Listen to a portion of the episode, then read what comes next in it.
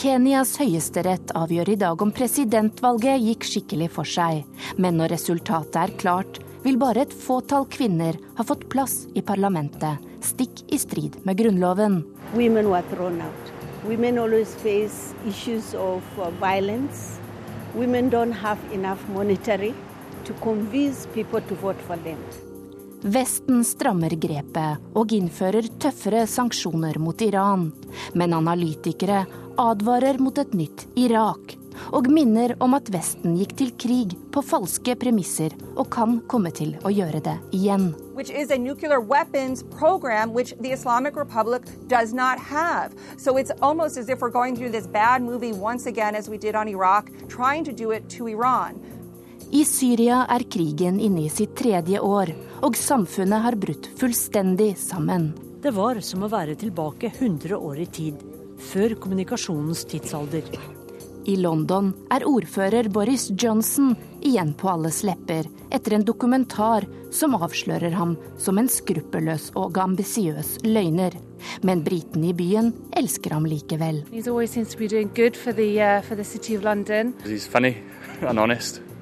And, uh, well, he's a loose cannon, but maybe we need loose cannons.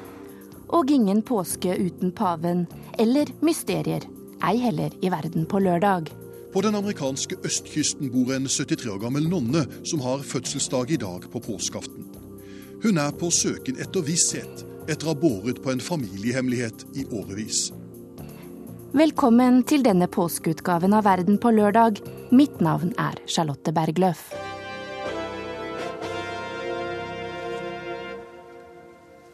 Først i denne sendingen skal vi til Syria, for denne uken hisset Den arabiske liga på seg regimet i Damaskus, da den ga Syria sete til opposisjonen i landet. Men hva betyr det i praksis? Lite frykter opprørerne, som er desperate etter humanitær og militær hjelp. I går tok de til gatene i Aleppo og ropte Hva skal vi med et sete i Den arabiske liga? Det vi ønsker er en slutt på blodbadet. For krigen er nå inne i sitt tredje år. Hvordan påvirker det samfunnet? Kollega Sissel Wold har nettopp vært i de opprørskontrollerte områdene i nord og levert denne rapporten. Welcome to Syria, sto det. Skiltet var gult, rustent og med kulehull. Ingen hadde ryddet eller reparert noe etter kamphandlingene i grenseområdet Bab al-Hawa.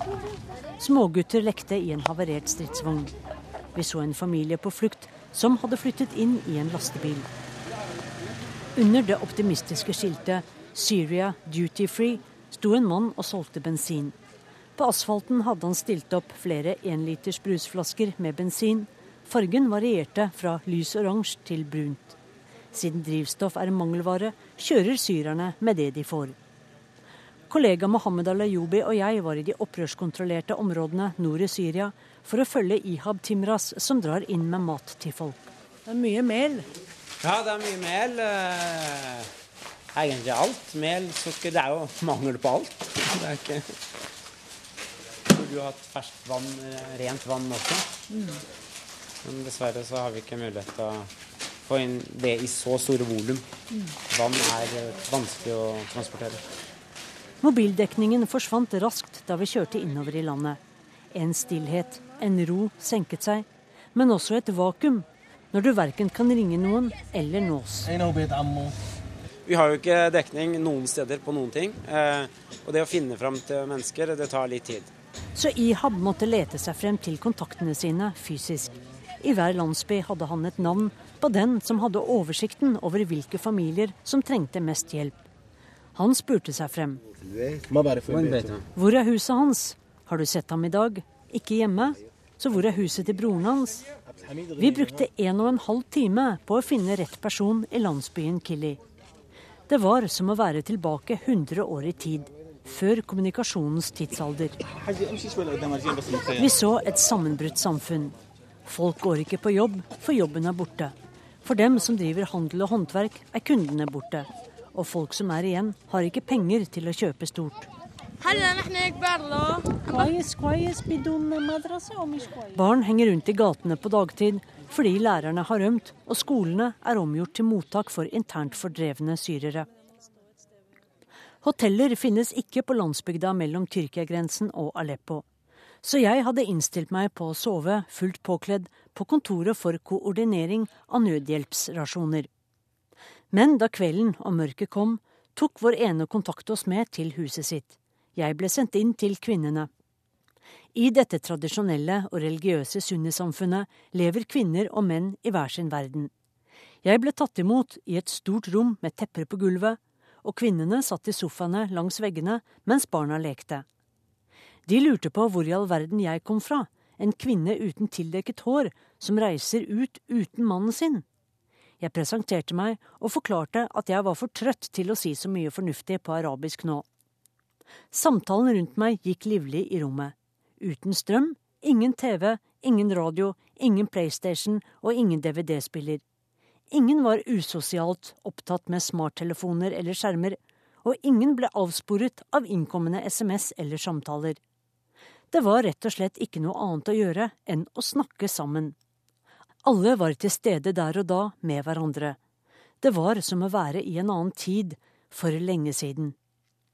Jeg er sliten, forklarte jeg henne som bodde i huset, for å forklare hvorfor jeg ikke var særlig sosial. Jeg hadde tross alt vært oppe siden klokken kvart over fire om morgenen. Hun så på meg med et direkte blikk. Jeg er også sliten, begynte hun. For to år siden bodde vi i Damaskus, hele familien, i en moderne by. Vi hadde alt, barna gikk på gode skoler, men da revolusjonen begynte, kunne vi ikke bo der lenger. Så vi flyttet til Aleppo. Men da hæren angrep der også, ble leiligheten vår ødelagt, og vi måtte dra fra det vi hadde igjen. Mannen min ble skadet og måtte på sykehus i Tyrkia. Nå bor vi her, på dette bitte lille stedet, langt fra alt. Bare to ganger om dagen har vi litt strøm.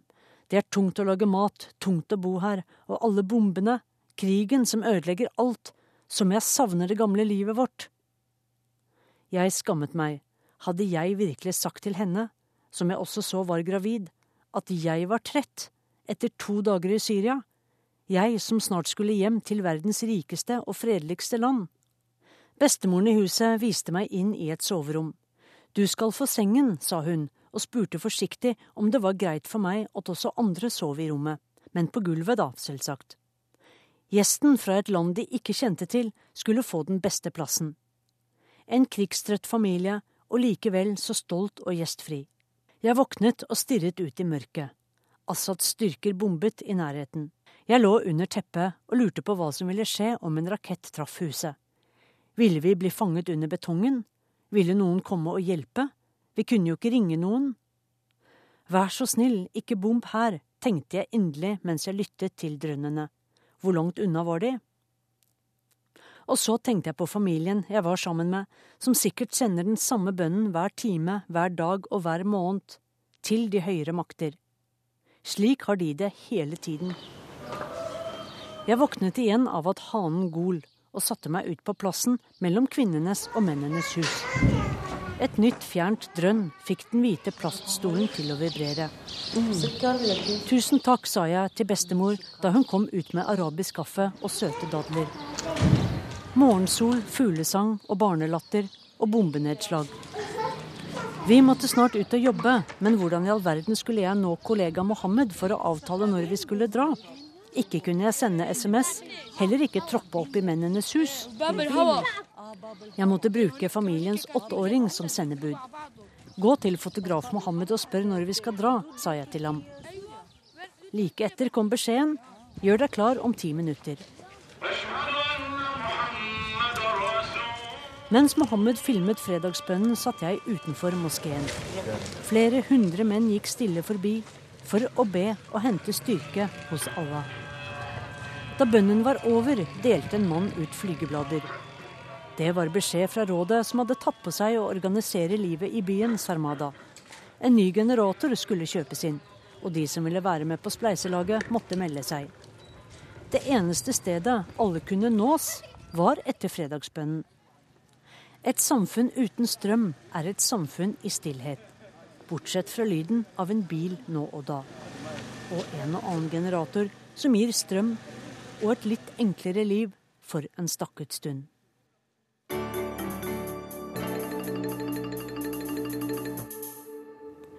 Hva vil Iran med sitt atomprogram? Utvikler de atomvåpen, eller er det, som de selv hevder, kun snakk om kjernekraft til fredelige formål? Det internasjonale atomenergibyrået har aldri kunnet fastslå at iranerne utvikler atomvåpen. Men mistanken har ført til knallharde sanksjoner mot landet. Med en inflasjon på 30% er det folket som får svi.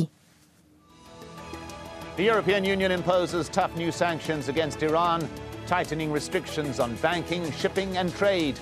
The stated aim to force Iran into dialogue about its nuclear activities. How a military strike might be necessary to stop Iran's nuclear program, but they do not agree. We also obviously talked about the massive crisis that is on the international stage right now concerning Iran's nuclear program. Irans atomprogram, Vestens store hodepine som har fått debatten til å rase, og Israel og USA til å rasle med sablene. For hva skal iranerne bruke anriket uran til? Til fredelige formål, til produksjon av energi og til forskning, hevder de hardnakket i Teheran.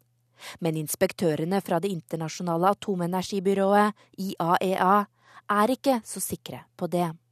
I 2006 slo de alarm, og siden har både FN, USA og EU strammet grepet gjennom en rekke nye sanksjoner mot Iran for å tvinge myndighetene til å legge alle kortene på bordet. Men tiden går, og hvis Iran ikke stanses nå, har de atomvåpen om få år, lyder advarselen fra Washington. Here, Larijani, Khamenei, Men til CNNs Christiana Mampour bedyrer Ayatollah Khameneis politiske rådgiver Mohammad Javad Larijani at Vesten ikke har noe å frykte. Iran is not after nuclear weapon. Nuclear weapon is not an asset for us, it's more liability. I think they know pretty well. I think United States intelligence services and the West, and they know that we are not after building nuclear weapons. This is part of a game about us. Larijani er generalsekretær i den iranske menneskerettighetskommisjonen. Men menneskerettigheter har en ganske annen klang i Den islamske republikken. På spørsmål om massehenrettelser av politiske fanger i 2008 svarte Larijani vi har gode fødselstall på om lag 4 Det betyr to millioner nye personer hvert år. Jeg er optimistisk og en positiv person. Men utviklingen i landet siden sjahens fall i 1979 har vært alt annet enn positiv i Vestens øyne og landets mange brudd på menneskerettighetene har ført til en rekke sanksjoner. Sanksjonene vi nå er vitne til, basert på mistanken om utvikling av atomvåpen, skiller seg fra disse, for de er tøffere enn noensinne og har tvunget finans-, energi- og oljesektoren i kne. I fjor forbød EU å kjøpe olje fra landet, og Iran er nå i praksis utestengt fra det globale banksystemet. Det har ført til at den iranske valutaen har stupt i verdi, noe som gjør at prisene på mat øker hver dag. Landet står nå på randen av hyperinflasjon, og det kommer rapporter om store lidelser. Jeg vil vite hvordan det går med befolkningen, og får hjelp av iranske Ali Saki her i Oslo, som ringer kontakter i landet. Det er ringetonen.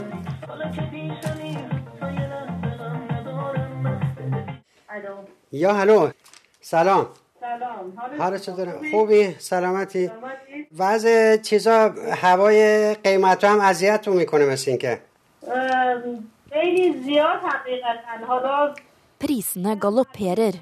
Nå må du betale tre ganger så mye for ris som i fjor.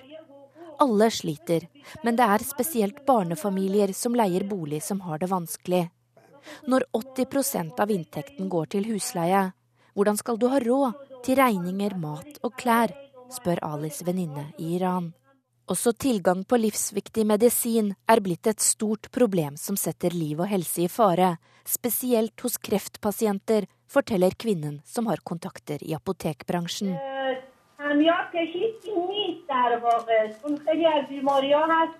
Det er mange medisiner som ikke lenger er å oppdrive, uansett hvor mye du er villig til å betale, forteller hun. Hver dag er hun nå vitne til hjerteskjærende opplevelser, der mødre må spørre butikkinnehaverne hva de kan få for den lille slumpen penger de har igjen, og hvor svaret som oftest er så godt som ingenting. 14.6 er det valg i Iran. Enkelte analytikere hevder sanksjonene egentlig er iverksatt i håp om å få folket til å kaste et regime som Washington helst skulle vært foruten. Men Ali Sakis venninne i Iran er ikke sikker på om folket har krefter eller mot til å mobilisere til valget, nå som hverdagen er blitt en kamp for overlevelse, og massehenrettelser igjen skaper frykt i befolkningen. Det er snarere trusselen om krig som preger dem nå. Frykten for krig er enorm. Selv ikke under den åtte år lange krigen mot Irak opplevde vi matmangel på denne måten.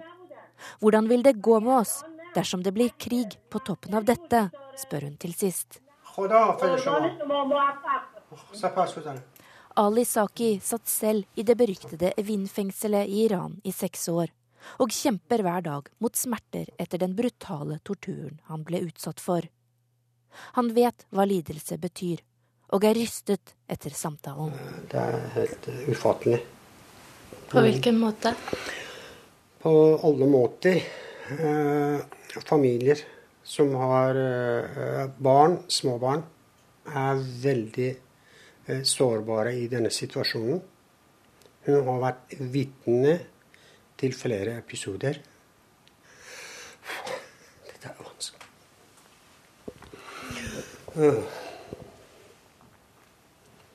Eh, de som har dårlig råd, de klarer ikke å, å handle matvarer for sine eh, barn. Det er veldig dyrt med rødt kjøtt kylling osv. Så, så de sulter? På en måte. De har andre alternativer foreløpig. Så lenge det varer. Så lenge det varer, sier Ali Saki. For en drøy uke siden skjerpet Norge sanksjonene igjen.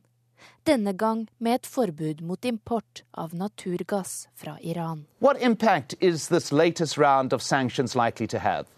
I don't think that uh, it will change anything. Samtidig fortsetter debatten om sanksjonenes kraft og egentlige formål, og hva det hele kan resultere i. Tidligere rådgiver ved Det hvite hus, analytiker Hillary Mann Leverett, er kritisk til sanksjonene og sier til TV-kanalen Al Jazeera at Vesten bør gjøre alt for å unngå en reprise av Irak. Quite remarkable. It is, it is little commented upon. But over a million Iraqis were killed as the result of US led international sanctions on the Saddam Hussein government in the 1990s. And here at the time, when our Secretary of State, Madeleine Albright, was asked, is the price worth it for a million Iraqis, half of whom were children, to be killed for US policy to punish, if not overthrow, the government of Saddam Hussein? She said publicly on television here, yes, we, it's hard, but we think the price is worth it. And worth it for what? To disarm Saddam Hussein of weapons he did not have, which gets back to the basis of supposed basis of these sanctions, which is a nuclear weapons program which the Islamic Republic does not have. Both the US intelligence agencies and even the Israeli intelligence agencies say that the Islamic Republic of Iran does not have a weapons program. So it's almost as if we're going through this bad movie once again as we did on Iraq, trying to do it to Iran. We cannot afford yet again to make a mistake as we did in Iraq and to make it on, an, on, a, on a scale exponentially larger with the Islamic Republic of Iran. Vi hørte til sist den amerikanske analytikeren advare mot et nytt Irak, der Saddam Hussein var mannen som skulle fjernes fra makten. Men regimeendring med utenlands makt er heller ikke noe nytt for iranerne. I 1953 ble Irans demokratisk innsatte statsminister Mohammad Mossadegh fjernet i et kupp som var organisert av britisk og amerikansk etterretning. Det skjedde fordi Mossadegh hadde nasjonalisert iransk oljeindustri. Britenes interesser var truet. Vi unner oss et tilbakeblikk ved Gro Holm.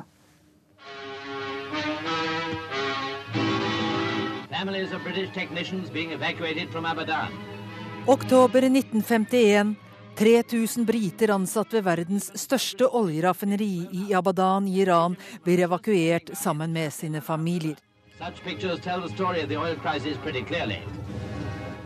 Britene slo på stortromma og snakket om oljekrise. I virkeligheten er det en del av historien om den britiske imperialismens dødskramper.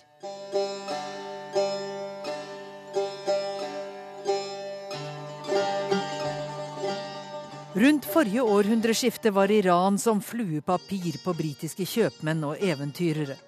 Rundt 2500 år som stat hadde gjort landet til en kulturell gullgruve, men det var mer enn musikk, poesi og vannpiper som trakk. Før 1900 hadde britene skaffet seg monopol i tobakksindustrien. Men det gikk rykter om olje, mye olje. Den britiske finansmannen Dearcy kjøpte i 1901 rettighetene til all leting, produksjon og omsetning av olje og gass på iransk territorium for 60 år framover. For det betalte han sjahen 20 000 pund.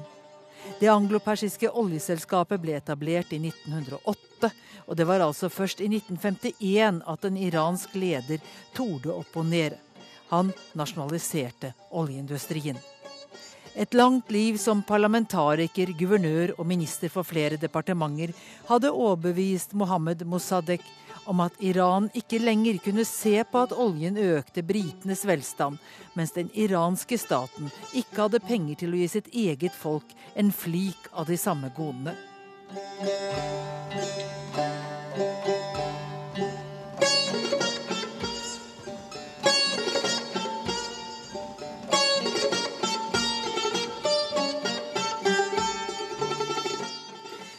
Britene var rasende og tvang sjahen til å utpeke en annen statsminister.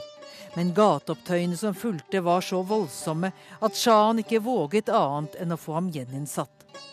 Britene klaget også nasjonaliseringen av oljeindustrien inn til FNs sikkerhetsråd. 15.10.1951 dro Mossadegh til New York for å tale Irans sak. BBCs reporter la ikke skjul på sitt mishag med den iranske statsministeren. There was a densely packed session of the Security Council at New York when Persia's ailing premier, Dr. Mossadegh, arrived on the arm of Mr. Trigve Lee, the United Nations Secretary. Shaky on his pins, but firm enough in his policy, Med skjelvende bein, men fast politikk. Det var britenes beskrivelse av Irans statsminister. Storbritannias FN-ambassadør sa han forventet at Mossadegh aksepterte det han kalte en konstruktiv løsning. Which as I think I said in my initial speech, will enable us to achieve some synthesis between the industrialized West and the as yet only partially industrialized nations of the immemorial East. Som jeg sa, vil en slik løsning gjøre oss i stand til å finne en syntese mellom det industrialiserte vest og det til nå bare delvis industrialiserte, men uforglemmelige øst, til fordel for hele verden, sa ambassadør Gladwin Jeff i sitt innlegg. Mossadegh satt med store høretelefoner for å få simultanoversettelsen, hvilket fikk BBCs reporter til å uttale det er ingen så døve som dem som ikke vil høre.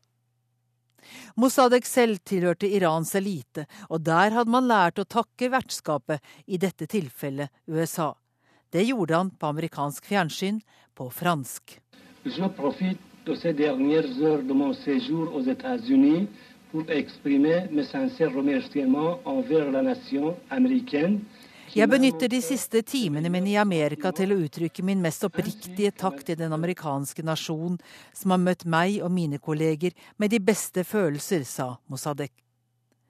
Men snart skulle USA gi etter for britenes press for fellesaksjon. Britiske sendemenn ble sendt til Washington for å overtale.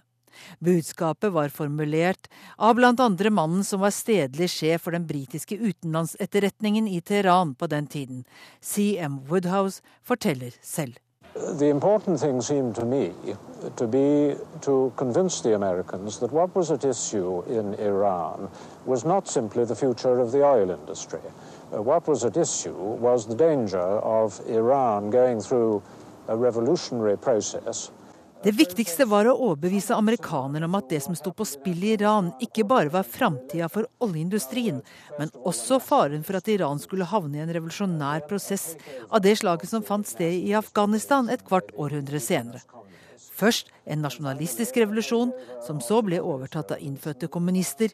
Men til slutt ville denne kommunistiske revolusjonen blitt overtatt av Sovjetunionen, mener altså MI6-sjef i Teheran på den tiden, Siem Woodhouse. Strategien virket, og det hjalp at USA fikk en ny president i 1953, Dwight D. Eisenhower. Han ga grønt lys, og det ble president Roosevelts barnebarn, Kermit Roosevelt, som fikk oppgaven med å planlegge kuppet sammen med britene. De kjøpte journalister og offiserer, de bestakk shahens søster med penger og mink for å få henne til å legge press på sin svake bror, og de organiserte provokasjoner som stilte statsministeren i dårlig lys. CIA leide så en trupp atleter til å gå i front mot statsministerens hus. Kermit Roosevelt forteller selv. Well, our agents were very efficient in the way they organized the bizarre crowd uh, to move uh, on Mossadegh's house. Uh, they passed out a little money, not a great deal, and they got the strong men, the Zirkane, Våre agenter var veldig effektive i måten de fikk denne bisarre flokken til å bevege seg mot Mossadeghs hus på. De delte ut noe penger, ikke mye, og de fikk den sterkeste Sirkanai til å lede marsjen med vektløftere. Store menn etter iransk standard. De viste fram musklene, viftet med batonger, vektene lot de ligge, de representerte en solid demonstrasjon av styrke, sier Roosevelt.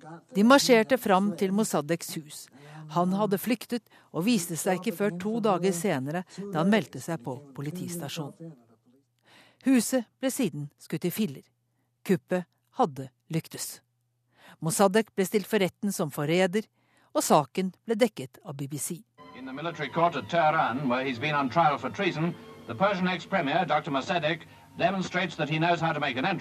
Kledd i den tradisjonelle klesdrakten og en pysjamas klarer han til og med å lage en dramatisk scene av å innta sin plass i retten. Fra disse bildene kan en tro at han er en døende mann, eller i alle fall en veldig syk en.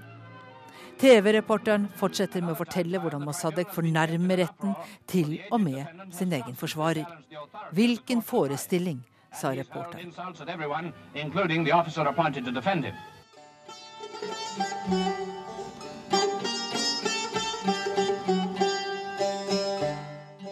Mossadegh ble dømt til tre års isolat i fengsel, og siden til livslang husarrest i sitt hjem. I 1967 døde mannen som mer enn noen iransk politiker før og etter har ønsket å skape en demokratisk velferdsstat i Iran. Det var ikke i tråd med datidens britiske og amerikanske interesser. I stedet lot de den autokratiske, men svake sjahen vende tilbake til påfulltronen og overøste ham med penger og gode råd. Men i 1979 var det slutt. Da hadde folket og prestene fått nok av både sjahen og utlendingene. Om Mossadegh hadde fått fortsette, kunne Iran kanskje ha vært en av Vestens beste venner nå. Kanskje, men også kanskje ikke. En mulighet gikk i alle fall tapt.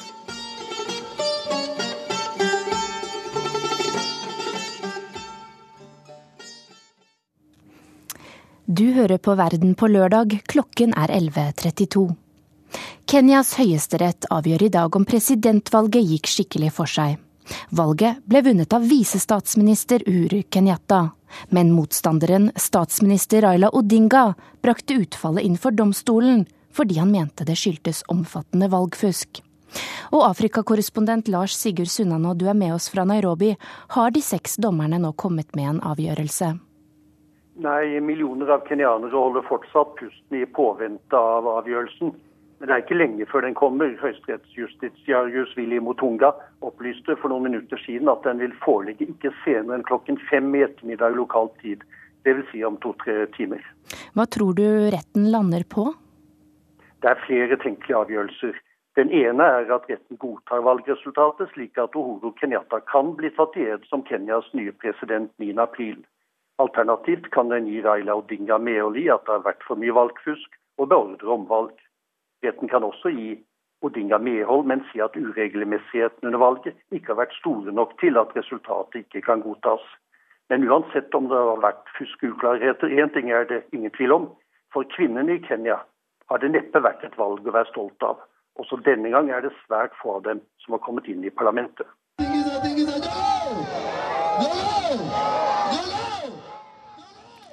Det ble, som før i Kenya, en mannsdominert valgkamp. Det var langt mellom kvinnene som sloss for å komme inn i nasjonalforsamlingen, eller som prøvde å bli guvernører i, eller senatorer fra, de 47 fylkene i denne østafrikanske nasjonen med mer enn 40 millioner innbyggere. En ny konstitusjon som ble vedtatt med overveldende flertall i en folkeavstemning i 2010, fastslo riktignok at minst en tredjedel av de folkevalgte skulle være kvinner men siden landets høyesterett raskt kom til at det vil være for tidlig å gjøre bestemmelsen gjeldende allerede i dette valget, det vil være best om den blir innført gradvis i de nærmeste årene, gikk det som det måtte gå i nominasjonsprosessene, forteller Rukia Sobov, som er leder for organisasjonen National Women Development her i Kenya. It happens that during the nominations, women were thrown out because men always think they have enough money. Women always face issues of uh, violence. Women don't have enough monetary Det som skjer under nominasjonene, er at kvinnene faller ut fordi mennene hele tiden tror de har nok penger. De risikerer også å bli utsatt for vold. Og de har ikke nok penger til å overbevise folk til å stemme på dem, sier hun. Det var statsminister Raila Odinga og visestatsminister Uhuru Kenyatta og koalisjonen de ledet, som fullstendig kom til å dominere valgkampen med folkemøter og massemønstringer over hele landet. De kvinnelige kandidatene havnet i skyggen. Den eneste kvinnen som prøvde å bli president, Marta Karua, sanket ikke mange stemmene. Og i valgkampen avviste hun at hennes kjønn skulle ha noen betydning for velgernes valg. I don't think it's about woman. I'm a candidate. I happen to be a woman, and I have no apologies for being a woman. I don't think that uh, what uh, the qualifications for presidency is one's gender. The results are as follows. Da resultatene kom fra i alt 291 valgkretser, viste det seg at 275 menn og 16 kvinner hadde klart å sikre seg plass i den nye nasjonalforsamlingen i Nairobi. Som et plaster på likestillingssåret ble 47 kvinnelige representanter valgt inn i tillegg, på en spesiell kvote, én fra hvert av fylkene i landet.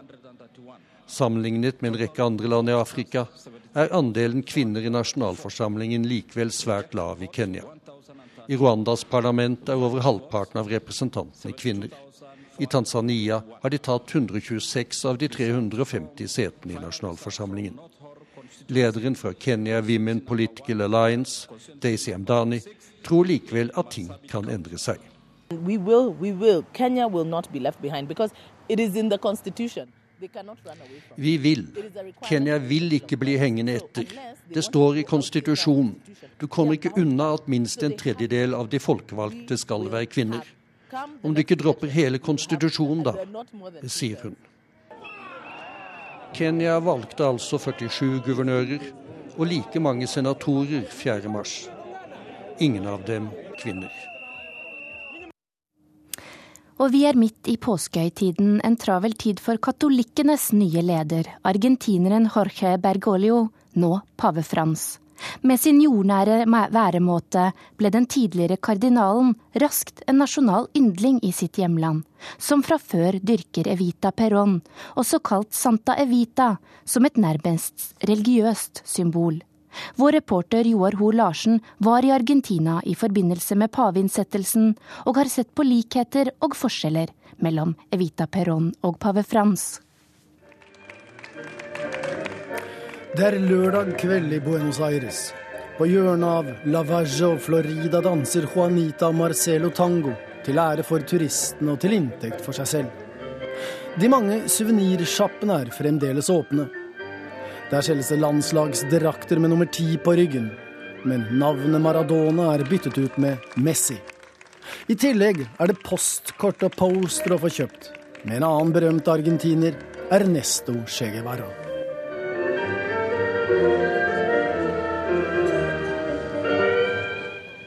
På en vegg bak det tangodansende paret er det en mengde plakater med den nye paven. Francisco står det, og så Argentino i Peronista. Jorge Bergoglio het han, som argentiner. Ifølge plakatenes påstand er han også peronist. Med andre ord, han skal ha tilhørt den politiske bevegelsen som har dominert argentinsk politikk siden 1946, oppkalt etter diktator og president Juan Domingo Perón. Men peronismen hadde aldri blitt en politisk retning hvis det ikke hadde vært for hun som ga den et ansikt og et mellommenneskelig innhold, nemlig Juan Perons andre hustru, Eva Perón, kjent som Evita. I don't always rush in after saying hello. Telling strangers I'm too good to miss. If I'm wrong, I hope you tell me so. But you really should know I'd be good for you. I'd be surprisingly good for you. Argentinerne liker ikke Madonnas fremstilling av den tidligere førstedamen som løsaktig og lett på tråden. For dem var hun en engasjert talskvinne som utrettelig arbeidet for de svakes og de fattiges rettigheter. Argentinerne foretrekker derfor sin egen filmversjon av Evitas liv, der Ester Goris spiller den politisk bevisste og handlekraftige Evita. Esta huelga, compañeros, que ustedes le están haciendo al gobierno peronista es una huelga contra el movimiento obrero, una huelga. Escuchen bien, compañeros. El que le hace una huelga al peronismo es un carnero de la oligarquía. Det er i denne sammenheng peronistene i dag påberoper seg pave Frans som argentiner og peronist. For Jorge Bergoglio vokste opp i Evitas rike, i enkle kår i en av Buenos Aires' mange fattige bydeler. Han hadde opplevd både nød og elendighet, og tilhørte de sosiale lag som Evita tok under sine vinger.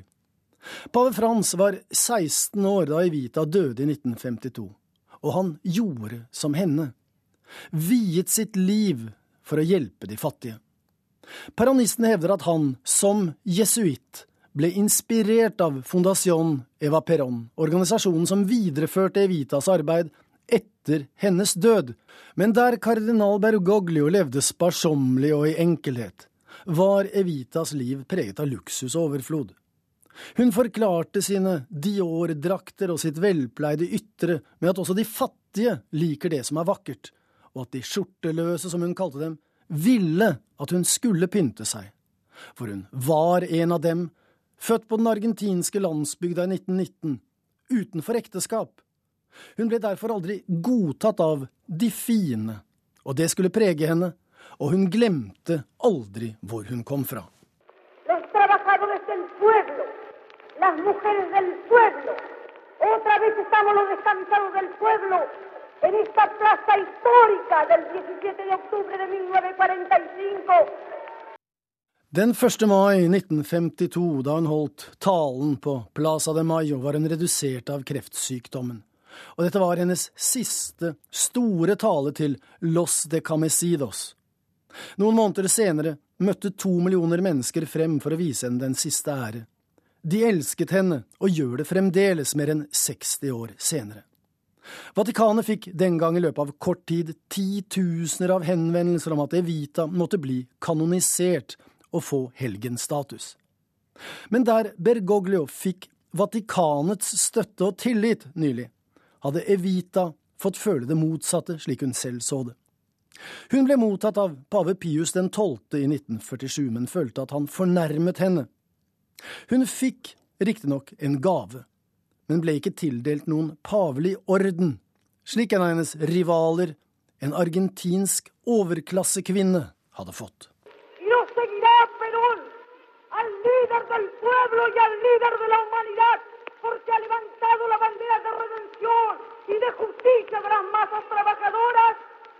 seguirá contra la opresión de los traidores de dentro y de fuera,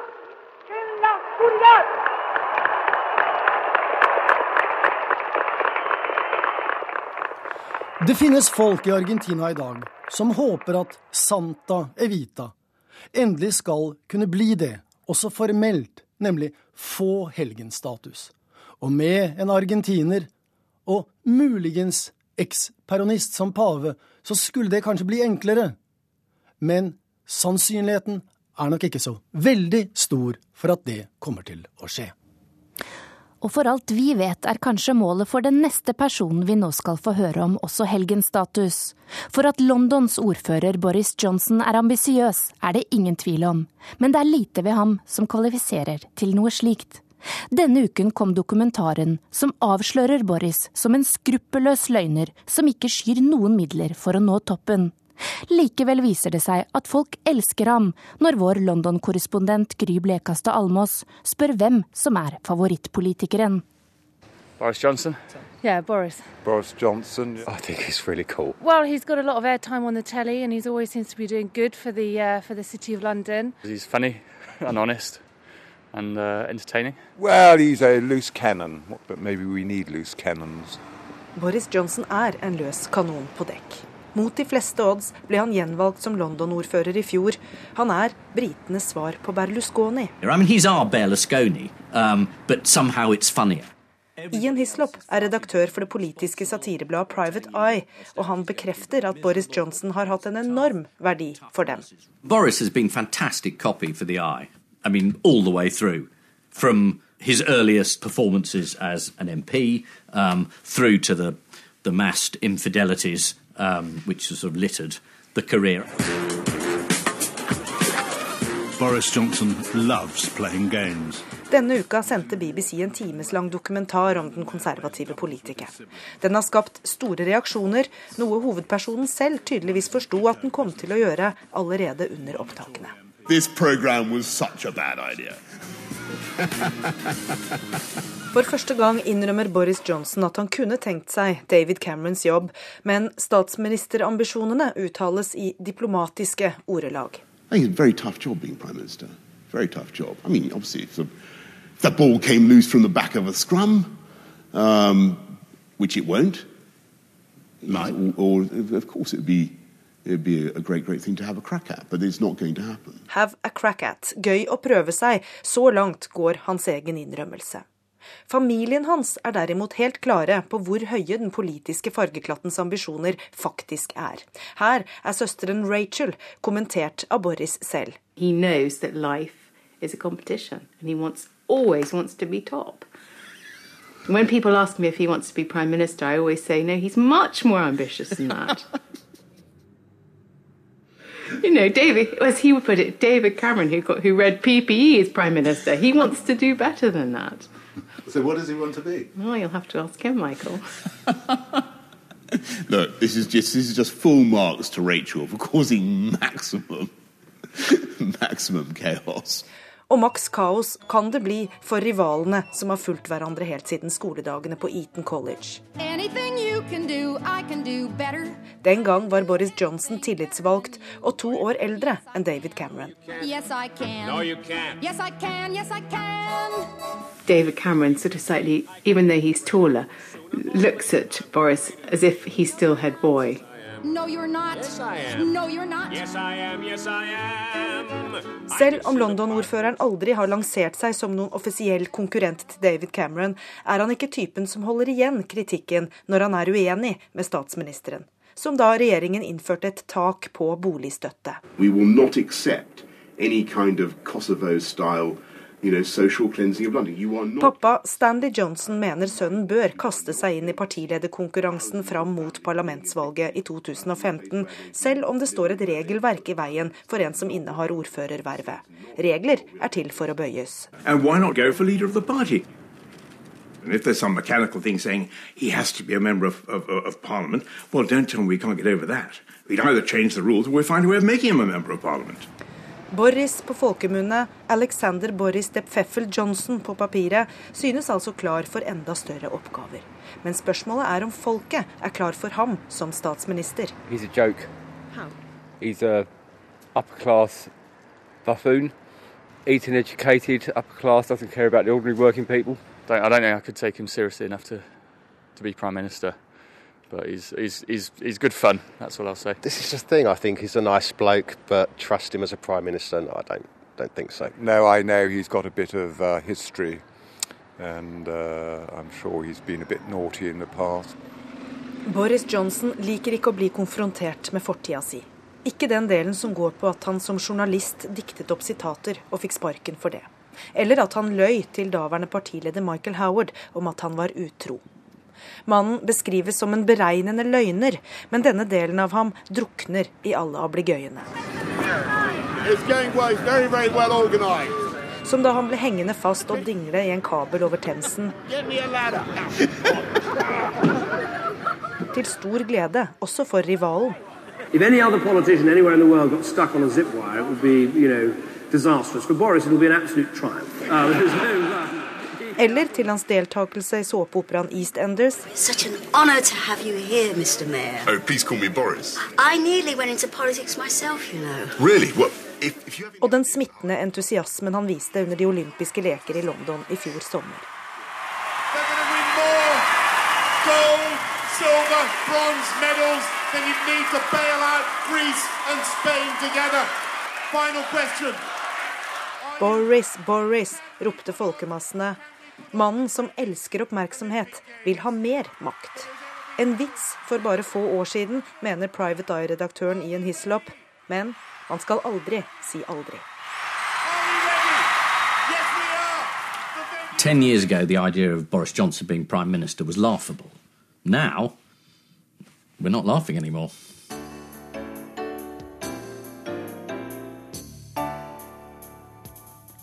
Påsken er krimtid også i verden på lørdag. Det kunne lett dreid seg om drap og maktkamp for oss i utenriksredaksjonen. Men det er et annet mysterium Jon Gelius har latt seg fascinere av i ukens korrespondentbrev. Påskehøytiden gir rom for refleksjon og ettertanke. Tid til å grunne over livets mysterier og gruble over livets tilfeldigheter. På den amerikanske østkysten bor en 73 år gammel nonne som har fødselsdag i dag på påskeaften. Hun er på søken etter visshet etter å ha båret på en familiehemmelighet i årevis. Som journalist er jeg privilegert som får treffe mange spennende mennesker i jobben. Profesjonelt møter jeg intervjuobjekter fra alle samfunnslag. Men jeg må være ærlig og innrømme at noen møter setter sterkere spor enn andre. Mitt møte med den amerikanske nonnen Janet Weber er et slikt eksempel. Jeg traff henne for første gang for sju måneder siden. Historien hun bar med seg, hadde hun aldri tidligere våget å snakke høyt om utenfor den aller innerste familiekretsen. Denne augustformiddagen hadde nonnen gått med på å møte meg, en for henne totalt ukjent norsk korrespondent. Vi møttes hjemme hos en 88 år gammel lidenskapelig kunstsamler her i Washington. Det skulle vise seg å bli et gripende møte. Kunstsamleren Sally Epstein samler ikke på hva som helst av kunstverk. Hun lever og ånder for kun én kunstner. Norges nasjonalikon Edvard Munch. Mannen som i år feires i inn- og utland 150 år etter sin fødsel. Som ung student ble hun tilfeldig invitert på en kunstutstilling i Boston her i USA, med verker av Edvard Munch. Det gjorde et uslettelig inntrykk og utviklet seg til en lidenskapelig samlemani. I hennes herskapelige villa på Washingtons beste vestkant har Sally Epstein skapt sitt eget private Munch-museum. På vegger i alle husets rom og oppganger henger det litografier og grafiske trykk signert den verdensberømte norske maleren. Den imponerende samlingen utgjør flere enn 300 verker. I hennes villa var det ikke det sted som ikke hadde et Munch-avtrykk. Jeg måtte smile da jeg til og med nærmest gjemt bak kjellerdøren fant plassert en versjon av Munchs kjente Madonna. Sally Epstein har aldri tatt lett på sin Munch-interesse. Hun har vært flere ganger i Norge for å finne ut mest mulig om kunstnerens liv. Opp gjennom årene har hun intervjuet rundt 90 slektninger, venner, naboer, modeller og kunsttjenere av Edvard Munch for å sikre seg best mulig førstehåndskunnskap. Det var under sitt systematiske og grundige arbeid at hun kom over en pikant avsløring om at Munch hadde hatt mer enn et godt øye til en av sine supermodeller. En ung kvinne med langt skinnende sort hår og øyne som Munch kalte de tusenårige øyne. Modellen var Eva Mudocci, en ung og begavet fiolinist. Våren 1903 ble hun kjent med Edvard Munch i Paris, der Munch hadde en utstilling. Senere foreviget Munch henne i 'Kvinnen med brosjen', en av Munchs vakreste og mest lovpriste kvinnefremstillinger. Munch sendte henne maleriet med en liten lapp hvor det sto 'Her er den sten som har falt fra mitt hjerte'. Eva Mudocci ble etter sigende Munchs elskerinne. Høsten 1907 fartet hun på kryss og tvers av Norge med konserter sammen med sin fortrolige pianistinne Bella Edwards, en duo Munch fanget inn i kunstverket Fiolinkonserten. I de tre ukene norgesturneen varte, var duoen innom både Munchs hjemby Åsgårdstrand og Oslo. Året etter skjer begivenheten som det nå søkes visshet om. Et tvillingpar blir født i dypeste hemmelighet av Eva Mudocci i Danmark. Og det er den nære venninnen og pianistinnen Bella Edwards som senere i fortrolighet avslører at Edvard Munch skal ha vært far til tvillingene. Eva Mudocci selv røpet aldri hvem som var barnefaren til den gutten og jenta som ble født. De fikk navnene Isobel og Kai. Isobel var nonnen Janet Webers mor, men hun ville aldri snakke om hvem som var hennes far. Isobel Weber døde i 1984, 76 år gammel. Hennes tvillingbror døde midt på 70-tallet.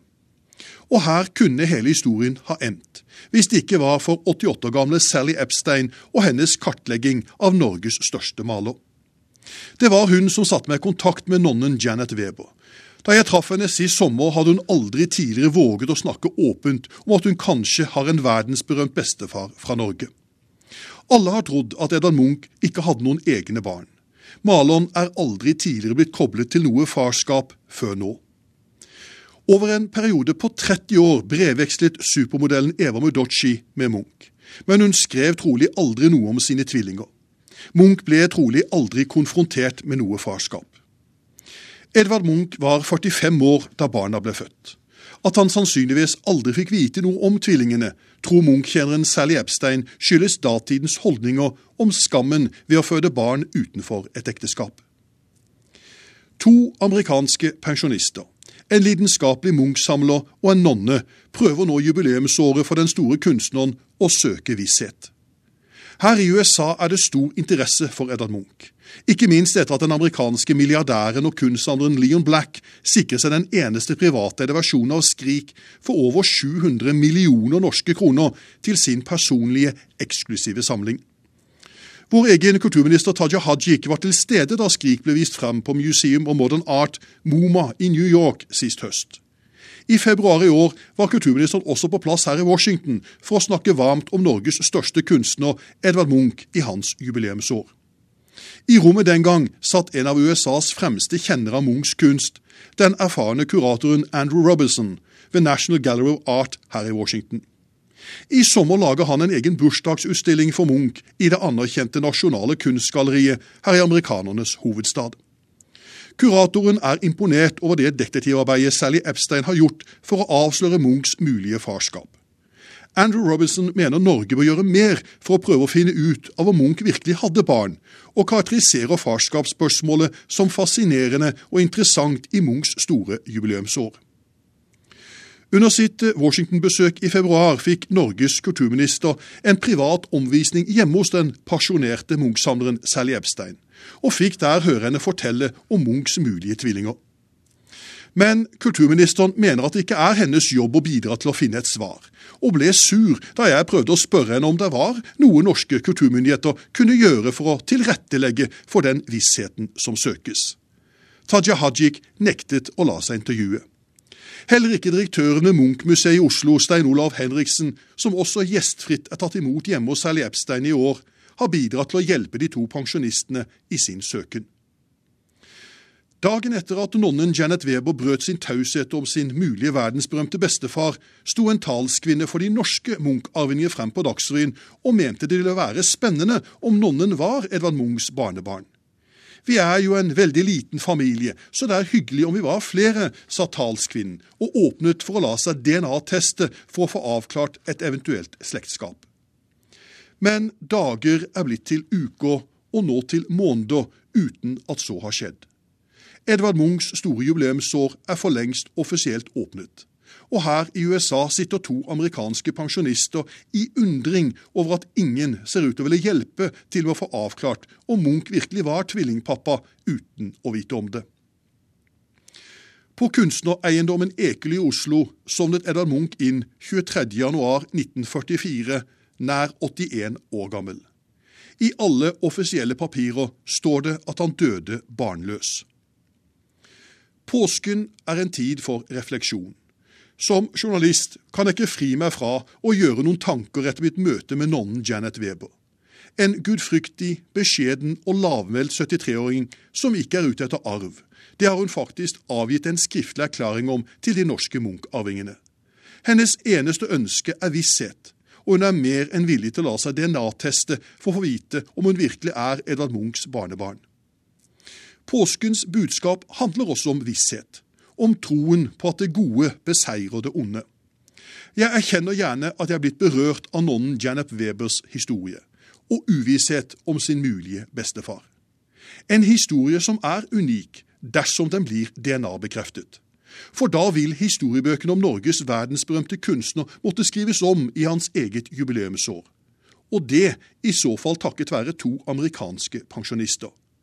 Men aller viktigst en visshet vil kunne gi dagens 73 år gamle bursdagsbarn en etterlengtet, personlig påskeåpenbaring. Og med det er Verden på lørdag slutt. Frode Thorshaug, Susanne Sunde Bakke og Charlotte Bergløff ønsker riktig god påske.